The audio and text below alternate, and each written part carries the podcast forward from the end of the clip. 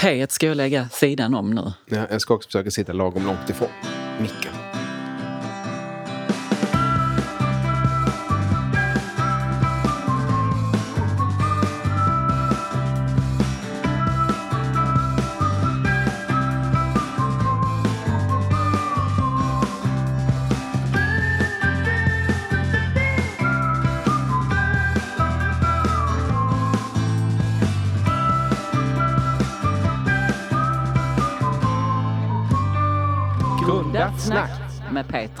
Med Johan. Jag frågade min dotter häromdagen Okej. och så ställde jag frågan Vad betyder delaktighet? och då svarar hon Ja, vad fan betyder nu det? Johan, vad betyder nu delaktighet? Nej, det är en bra fråga. Och det kanske är lite symptomatiskt svar också där. Men alltså vad är det för någonting? Det är lite spännande för hon går, hon går i skolan ja. Vilken, eh, Hon går ju i nian nu. hon går i nian ja. Och det är väl lite det vi har tänkt också det här med delaktighet. Att det är ett sånt ord som man faktiskt kastar ur sig ganska mycket. Eh, både i eh, skola och i vuxenvärlden generellt sett att man ska vara delaktig. Men du, om du ska faktiskt ta en definition av ordet För det betyder, delaktig. det betyder ju någonting i grunden nu. Där finns ju en, def, en definition. Och tittar man vad Svenska Akademin faktiskt eh, definierar delaktigheten med. Så pratar man om att det är att aktivt medverka. Ja. Och ofta då med en tonvikt på att man ska ha en känsla av att vara till nytta. Oj! Eh, Så det är ett ganska starkt ord och kräver ganska så mycket. Eh, Men Johan, om du får tänka helt fritt, och vad om du bara rakt upp och ner säger vad tänker du? När du tänker på delaktighet? När jag tänker på delaktighet så tänker jag att det mycket är den här känslan av att ha en, ha en eh, tillhörighet. En känsla av att ha en tillhörighet. Och jag tänker att jag tänker faktiskt lite som du. För jag tänker också att om jag, om jag tänker lite grann på Petra som en privatperson så kan jag ju känna igen det här att man vill känna sig inkluderad i någonting. Såklart. Jag har ju spelat handboll i många år och har därigenom fått en väldigt fin bild av vad delaktighet är. Att man känner sig inkluderad, man får lov att vara med, man är en del av en grupp. Vad gjorde den känslan med dig då? Ja, den gjorde ju väldigt mycket. Den är ju väldigt mycket den personen som man kanske är idag. Ja, Okej, så den gav dig väldigt mycket självkänsla kanske? Absolut. Ja, det, det är väldigt intressant för jag tänker det är det som faktiskt delaktighet kan skapa och ge oss. Att vi känner att vi är okej, jag får lov att vara som jag är och jag duger som jag är. Och, och det är kanske det man ska träna på också att eh, man kanske inte alltid tycker på samma sätt. Eh, man kanske i stunden inte heller tycker om varandra jättemycket. Men det behöver inte heller betyda att man gör motsatsen, att den personen inte får vara med längre. Eller att den personen har fel. Utan man kan få ändå lov att vara delaktig. Mm. kan man tänka. Mm. Och jag tänker, ka- kan du kanske ge ett exempel på någon gång när du inte kände dig delaktig? Eller när du kände dig delaktig? Ja, för det är ju alltid... Jag känner mig väldigt delaktig här. I den här podden tillsammans med dig. Att jag blir lyssnad på, att jag blir hörd. Eh, och det är ju tur. Det är ju tur. Och där känner jag ju precis likadant. Ja, och det var också tur. Ja, det var ju också tur. Eh, däremot så tänker jag väl att det kan finnas olika situationer där jag har känt att delaktigheten inte har varit eh, 100 procent. Nej, Skulle du vilja ta ett exempel? Eh, Man kan ju tänka sig utifrån att eh, jag tänker så här. Delaktighet är, kan ju vara väldigt tydligt. Det kan vara till exempel att man får lov att vara med i ett klassrum eller inte. Jag får lov att spela fotboll eller inte. Jag får med och leka på rasten eller inte. Det kan vara ganska tydligt. Jag kanske ville vara med och leka men fick inte. Då var jag inte så delaktig. Sen finns det mycket i samhället som är strukturer, normer och värderingar, sätt som vi är på utan att tänka det när jag växte upp, när jag själv gick i skola, så var det en eh, stor känsla hos mig att inte vara delaktig eller inkluderad i sammanhanget utifrån min sexualitet. Och det eh, var nog den största, har nog varit den största känslan av att inte få lov att vara delaktig fullt ut. Men det kan vara lite svårare att ta på för det är ju strukturer och normer som finns i samhället i stort. Absolut. Men du, jag tänker så här Johan, om det är någon som sitter och lyssnar nu och känner att amen, jag är kanske inte riktigt delaktig i min klass eller i den, på det fritidsintresset där jag är eller i den laget där jag spelar. Vad kan man göra då? Ja, det är ju alltid det svåra. Hur gör man? Det är hur man gör när man inte känner delaktighet. Och hur gör man delaktighet? Det kan vi också prata om ju. Eh, jag tänker att det är viktigt att kunna sätta ord på det. att ha någon som man kan prata eh, kring de här sakerna med. Ja. Och det kan man ha olika vuxna, eh, tänker, tänker jag. Precis, det kan, vara någon hemma, det kan Mm. vara någon på skolan. precis. Till exempel en kurator. Ja, kan det vara. Eh, och det skulle också kunna vara att man har någon kompis man tycker om att anförtro sig till.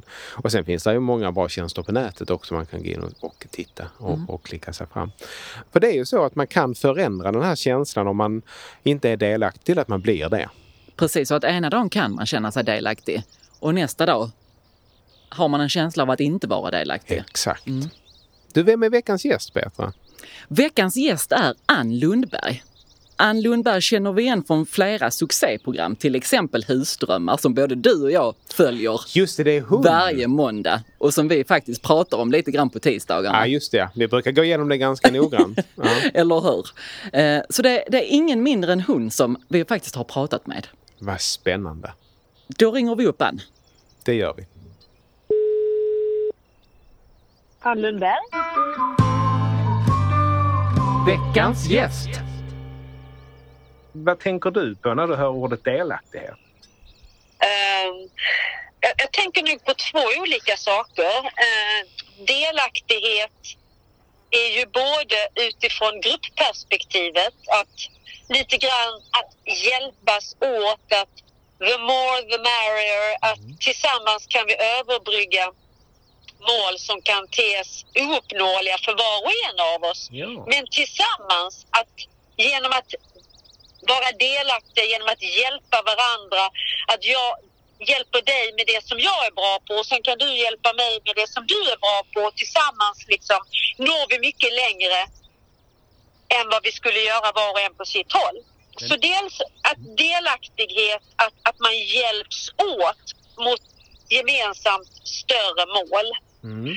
Men, men delaktighet är också ur individens perspektiv. Den här, eh, det finns en, ett, ett, ett ord som, som heter KASAM, Mm. känslan av ett sammanhang. Ja. Alltså att man som individ får känna att man är del av ett sammanhang och det tror jag är livsviktigt för alla människor. Oavsett vilken ålder, vilket kön, vilket yrke eller vad som helst. Att faktiskt känna att man är del av ett sammanhang. Har du själv Ja. tänkt... Eh, Nej, men jag tror till exempel när man blir lite äldre och hamnar i ett, eh, i ett yrkesliv så tror jag egentligen att det är viktigare att känna att man kan påverka sin egen situation. Att mina idéer och mina tankar tas tillvara på. Eh, att jag har inflytande över mitt arbete och min arbetssituation än lönen. Alltså för mig är det mycket viktigare än lönen. Men jag tänker när du själv gick i skola. Mm. Hur, hur tänkte du kring delaktighet då? Eller hur var det? Var man delaktig? Kände du dig delaktig? Eller använde man de begreppen och tänkte kring? Eller lärarna? Och... det, det var alltid vissa, alltså antingen så är man en sån som tar ett steg tillbaka, låter andra eh, som har ett driv och en nyfikenhet och ifrågasätta. Det är oftast samma tio i varje klass som alltid räcker upp handen och Mm. kanske samma 20 som inte räcker upp handen. Mm. Eh, och det är lätt att samma människor alltid får frågan och, och man, vet, man vet alltid ungefär i klassen vilka det är som, som är väldigt drivna och som tar för sig och vilka som står tillbaka och kanske inte eh, eh, tar för sig lika mycket. Och det handlar ju väldigt sällan om kunskap eller hur mycket man kan utan det Mm. handlar ju mer om en personlighet. Och då det och där, där, där kan jag ju då säga att, eh, att, jag ju själv då tillhörde den här ganska drivna klicken Ja. som ofta räckte upp handen och, Och fick frågan. och liksom, ja. ja. men och tog initiativ till, i grupparbetena. Var det ett grupparbete så drev man ofta och Ja. eh, man hade ofta en åsikt och och, eh, och, och jag menar det är klart att jag i efterhand har tänkt på att när man tar mycket utrymme Mm. Så tar man också lite av det allmänna utrymmet för de som inte tar så mycket utrymme. Det är lite grann det här med att både vara en aktör eller att man kan göra delaktighet för andra Ja. också. Att man har ett gemensamt ansvar kanske där. Och det kan handla allt om självförtroende eller blyghet eller att man inte kommer från ett hem Ja. där man där man är uppväxt med att man ska ta för sig. Man kanske är ensambarn. Mm. Alltså, eh, eh, en som har växt upp med många syskon kanske inser att fan ligger man inte, håller man sig inte framme här blir det ingenting kvar Det liksom. blir ingen middag då? Nej. Så, nej. Och så va. Ja, men det finns ju naturligtvis en massa psykologiska förklaringar Mm. kring, grupp, kring, kring gruppdynamik. Ja, precis ja. ja. Men jag tänkte de vuxna när du gick i skolan, var de med i samtalet kring detta? För det är kanske är någonting som har förändrats till viss del, att man pratar väldigt mycket om sådana saker som värdegrund och, och delaktighet. Jag tycker att man har blivit mycket bättre idag på att prata om barns olika förutsättningar, att se alla barn, Mm. att förstå vilket enormt viktigt viktig psykologisk eh, roll som skolvärlden har för barns välmående Mm. i livet Ja, faktiskt. Att det Eh, hänger ihop, att det finns ett livsloppsperspektiv på det från, från skola och den hänger kanske i över ar- arbetslivet och, och fram, fram till graden. Absolut. Att Mm. relation blir så otroligt viktigt i mycket av det som handlar om delaktighet. Att man har en relation i skolan kanske till, eh, Mm. till, eh, till sina elever om man är lärare eller till sin lärare om man är elev eller till sina klasskompisar. Mm. Eh, är det någonting som, jag tänker det är också väldigt viktigt i det som du gör i ditt yrke, jag tänker att du skapar relationer. Eh, har, Men, eh, alltså, relationerna är väl mänsklighetens viktigaste grej. Är inte det vår livsluft? Att, att eh, man har ju studerat de här blåa zonerna i världen där människor lever längst, där Mm. man blir äldst.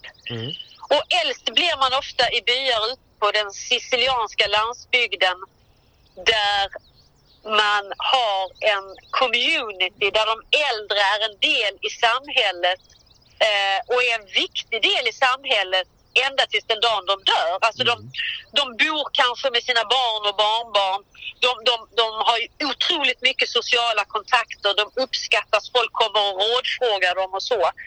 Att sociala relationer tror jag är viktigt för vår överlevnad.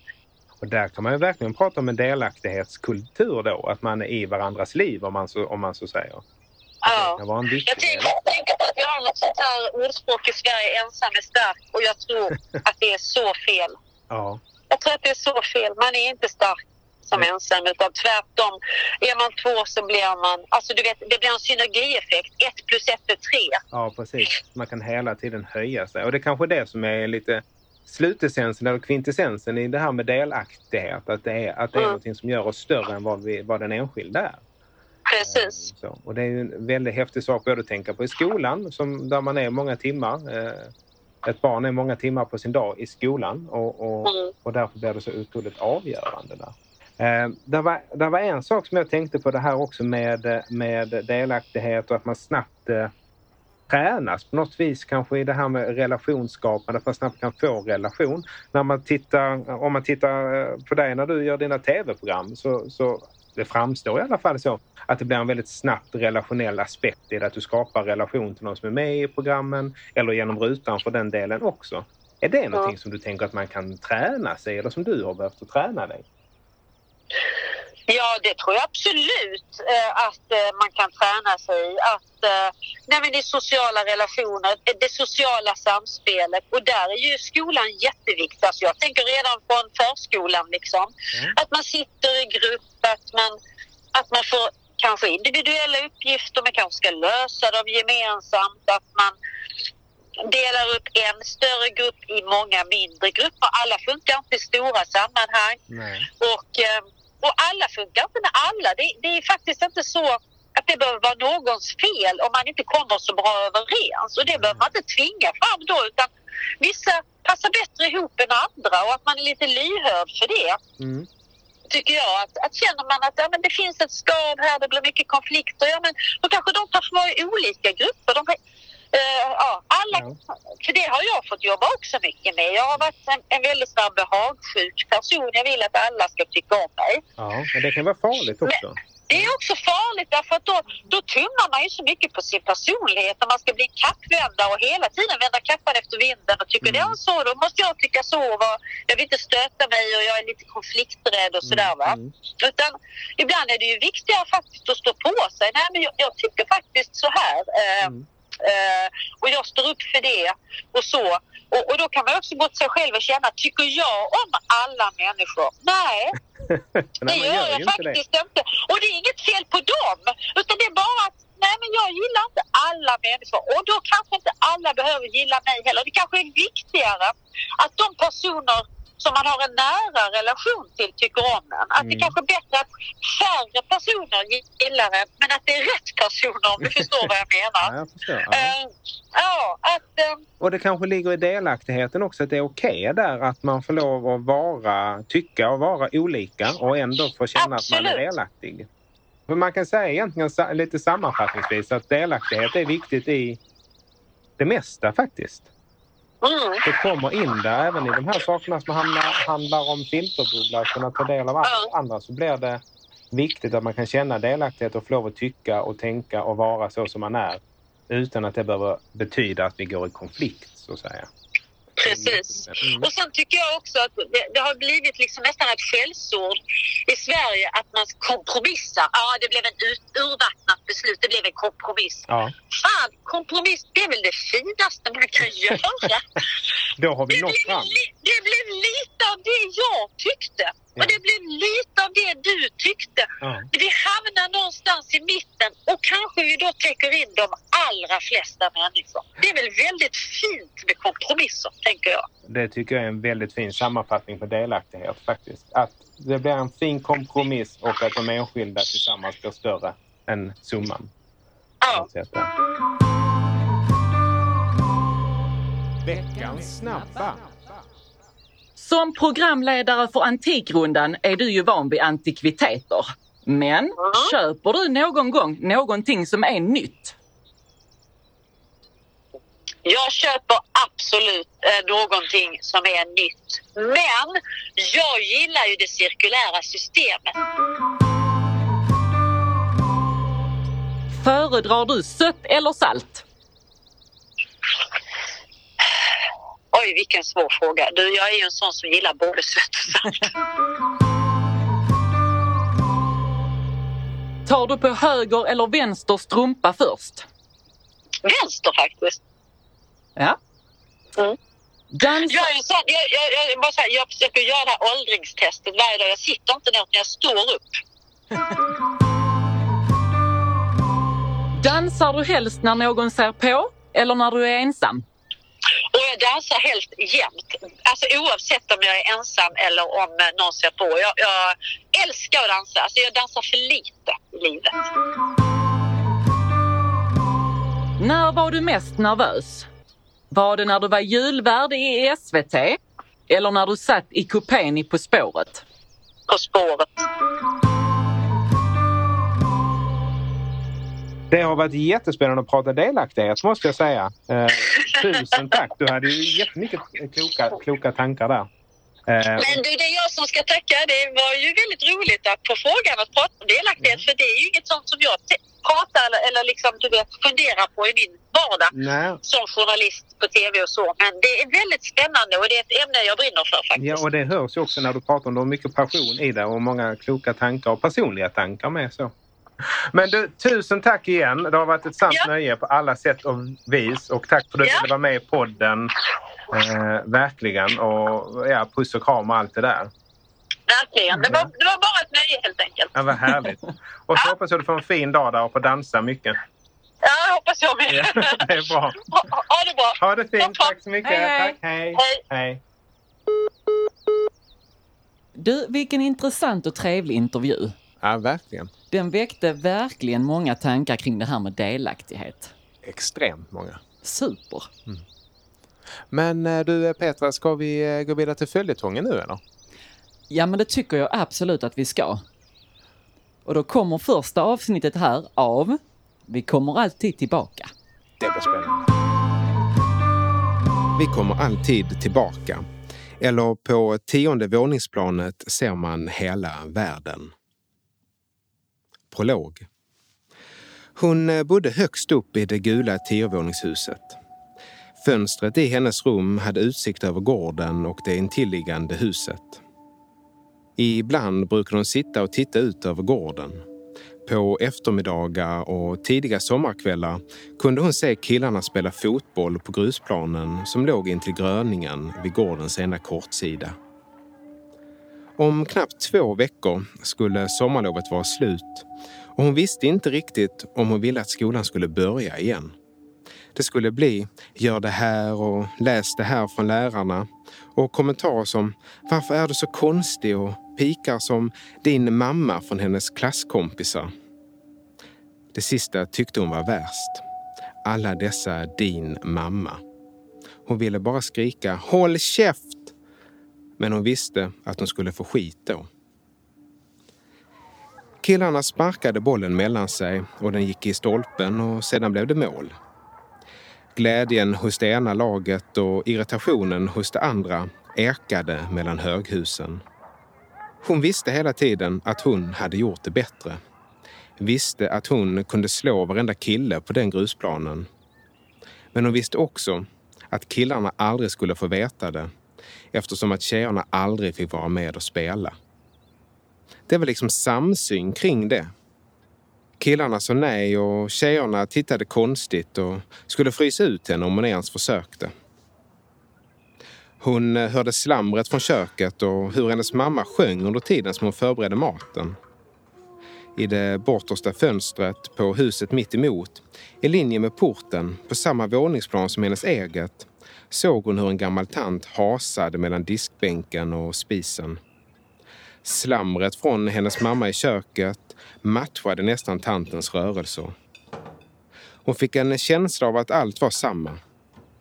Hennes liv på tionde våningsplanet med doft av mat i hela lägenheten och tantens liv på samma våningsplan mitt emot. Vad hade egentligen hänt? Vad var skillnaden mellan hennes liv och tantens? Hade det blivit bättre i världen? Eller var det samma problem då som nu? Hon tänkte det tyst för sig själv. Hennes mamma kallade på henne utan att vänta på att hon skulle svara. Älskling, kan du gå ner och köpa mjölk? Vi behöver mjölk till frukosten imorgon. Det ligger pengar på bordet i hallen. Hon visste att det inte var läge att protestera och egentligen hade hon inget emot att gå och handla. Oftast eh, brukade hennes mamma skicka hennes storebror men eftersom att Hampus inte var hemma var det väl rimligt att hon gick istället. Vart var Hampus någonstans? Han brukade alltid berätta för henne vad han skulle eller eh, vad han skulle göra. Men eh, denna gången hade det varit fruktansvärt otydligt. Hampus hade sagt något löst om en sommarpicknick med andra som också gick i högstadiet. Men hon tyckte att det lät hemskt oklart. Från eh, gårdarna runt omkring och från gröningens stora fält och skyddande dungar av hästkastanj, syrenbuskar och körsbärsträd doftade det av grill och hördes av skratt. Musik spelades någonstans långt bort men hon kunde inte helt säkert avgöra vilket språk musiken sjöngs på. Hon skyndade mellan husen och fick vid det tredje huset trycka sig in till fasaden för att inte råka i vägen för herr Gustavssons hund. Herr Gustavsson kunde på grund av sin höga ålder knappt hålla den stora hunden när den rusade fram. Förlåt, eh, det är ingen fara. Han är snäll, mycket snäll. Bara lite extra glad. Han sa det varje gång och hon trodde nog på herr Gustavsson. Men ändå kunde hon inte rå för att hon blev rädd för hunden som kom rusande. Asfaltstigen som hon gick på mot Centrumtorget var sprucken av tiden och torr av sommarens ihållande värme. Samma stig hade lett till torget sedan området byggdes på 50-talet. Under decennier hade den fört fram barn och vuxna till torgets affärer. Om man hade vikt av från stigen och istället fortsatt den röda stigen hade man sett barn, nu som då, gå till områdets skola. Hon hade ofta undrat varför stigen kallades Röda stigen. Den var ju lika asfaltsfärgad som alla andra stigar i området. I affären kände de igen henne och mannen som tog betalt log när hon betalade och bad henne hälsa sin mamma och pappa. Utan att hon hade bett om det fick hon med sig godis. Hon protesterade inte, utan sa mycket artigt tack Vissa dagar går det att känna en oro i luften. Som att något ska hända. Hon visste inte riktigt varför eller vad som skulle hända. Men i efterhand skulle hon nog hålla med om att denna dagen var början på livet efter. På vägen hem såg hon Sara och hennes bror uppe på viadukten som Centrumstigen gick under. Och när hon kom över till andra sidan där gröningen började träffade hon Ali som var på väg hem från fotbollsmatchen. Han eh, stannade upp och hon eh, trodde att han ville prata. Men hur han än försökte så verkade orden mest staka sig på varandra och komma ut som stamningar och okontrollerade skalövningar. Han slog fotbollen som han hade hållit under armen i marken och började trixa med den. Han rodnade medan hon tittade och berömde hans bollkonster. De hörde båda hur några av Alice kompisar kom emot dem busvisslandes och med gliringar.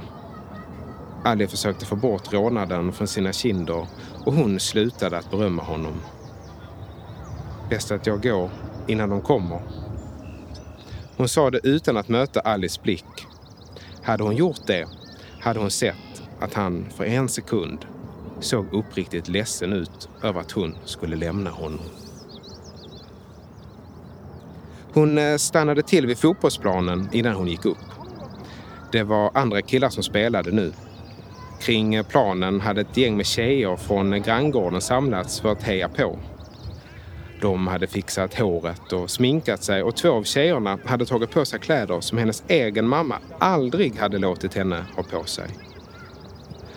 Hon kände på sig att hon borde gå. Men innan hon hann göra det hörde hon hur en av tjejerna skrek åt henne. Vem är du? Vad tror du att du gör här? Stick! Det är ingen som vill ha dig här. Eller du tror du är en fotbollskille? Så sjukt konstig du är. Hon visade inget utan skyndade bara hemåt med mjölken i ena handen och godiset i den andra. På vägen noterade hon att det stod en ambulans vid den bortersta trappen i huset mitt emot. Och när hon kom upp och igen tittade ut genom sitt fönster såg hon inte den hasande tanten längre. Var det kanske hon som ambulansen hade varit där för att hämta? Om hon hade vetat hade hon kunnat förstå att hon bodde i drömmen om den moderna framtiden. Hela området var byggt efter noggrant utstuderade principer. Husen var placerade på lagom avstånd från varandra med gröna gårdar och öppna parker för att främja hälsan. Alla i området skulle ha nära till torget där affärer och andra viktiga mötesplatser skulle finnas. I direkt anslutning mellan bostadshusen och villorna låg skolan för att inget barn skulle gå utan utbildning. Lägenheterna var uträknade för att underlätta hushållsarbetet och varje enhet hade alla moderna bekvämligheter som tänkas kunde. Med eh, rinnande vatten och centralvärme. Det var drömmen om det moderna samhället och hon var den moderna människan. Från hennes plats på det tionde våningsplanet såg hon hela den framtida världen. Men